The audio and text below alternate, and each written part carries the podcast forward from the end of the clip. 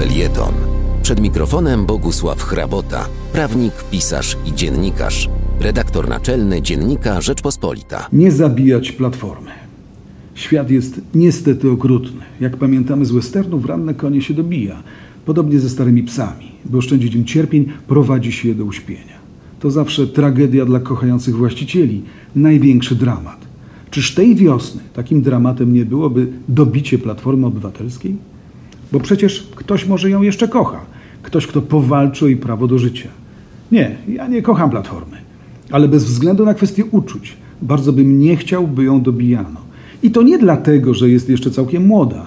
W porównaniu z koleżankami z Zaodry, takimi na przykład SPD czy CDU, to jeszcze niemal dziecko. Może nie osesek, ale dwudziestoletnia istota wiekowo w samym środku procesu edukacji, co daje nadzieję, że może jeszcze czegoś się nauczy. Ale nie wiek przemawia za Platformą najbardziej. Jest coś ważniejszego. Polska potrzebuje jej obecności na scenie politycznej dla równowagi, dla siły opozycji. A najbardziej Platforma potrzebna jest PiSowi, bo bez niej partia prezesa mogłaby mieć poczucie, że porządzi równie długo, jak zagra orkiestra Owsiaka. Wszystko to niby jasne, a jednak nie dla wszystkich. Proces dobijania Platformy zaczął jeden z jej współzałożycieli, nie przygotowując odpowiedniego następstwa. Stawiał nie na tych, co trzeba, licząc, że ciężar kierowania partią utrzymają ludzie w stylu Sławomira Nowaka czy Ewy Kopacz. Cóż, plan, by pociągać za sznurki za ich plecami, okazał się nic nie warty, nierealistyczny, bo dość było w Platformie ludzi na tyle ambitnych, by sztafaż pozorów rozsypał się w kilka miesięcy jak domek z kart. Potem, po dojściu PiS do władzy, było coraz gorzej. Z liderowaniem nie radził sobie ostatni stratek Platformy, Grzegorz Schetyna.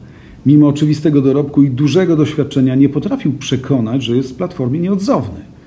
Czy tylko za sprawą braku charyzmy? A może to inna kwestia, nie potrafił dobrać sobie współpracowników. Albo jeszcze inaczej, uwolnić się od demonów przeszłości. Odszedł, a Platforma topniała, najpierw pozbywając się konserwatystów, a potem nie potrafiąc poradzić sobie z transferami do nowoczesnej. Coraz mniejsza, szczuplejsza, ale przecież nie całkiem rozbita.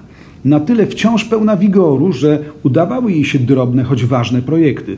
Była w stanie wykreować koalicję obywatelską czy sensownego kandydata na prezydenta, który godnie zmierzył się w wyborach z Andrzejem Dudą.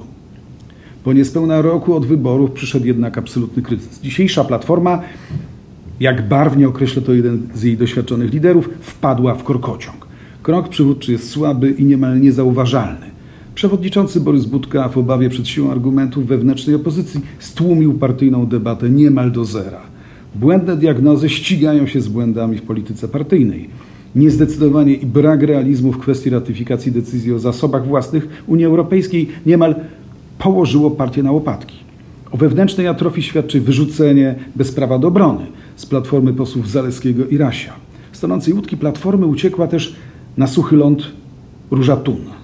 Czyżby Borys Budka i jego akolici nie rozumieli, że to reakcja łańcuchowa, że za chwilę nie będzie co zbierać? Słyszę wyjaśnienia, że partię trzeba oczyścić dziś, zanim po pandemii wróci rutynowa polityka i platforma zacznie się podnosić. A jeśli nie zacznie? Jeśli dzisiejsze złe wrażenie, pogłębione takimi politycznymi bzdurami jak wykluczenie na wniosek do niedawna macierzystej partii z komisji sejmowych Rasia i Zaleskiego, zbudują fatalny wizerunek, od którego nie będzie już ucieczki, co wtedy? Nie pomoże ani Sikorski, ani Trzaskowski. Pierwszy skupi się na rządzeniu światem w ramach Bilderberga, drugi będzie budował kampusy dla młodych warszawiaków. Co wtedy z Platformą? Co z Polską? Jeśli opozycja myśli o stworzeniu w przyszłości realnej koalicji władzy, w wyborach dobre wyniki muszą mieć wszyscy jej potencjalni uczestnicy. Hołownia, Platforma i Lewica. Im mocniejszy Hołownia, tym bliżej.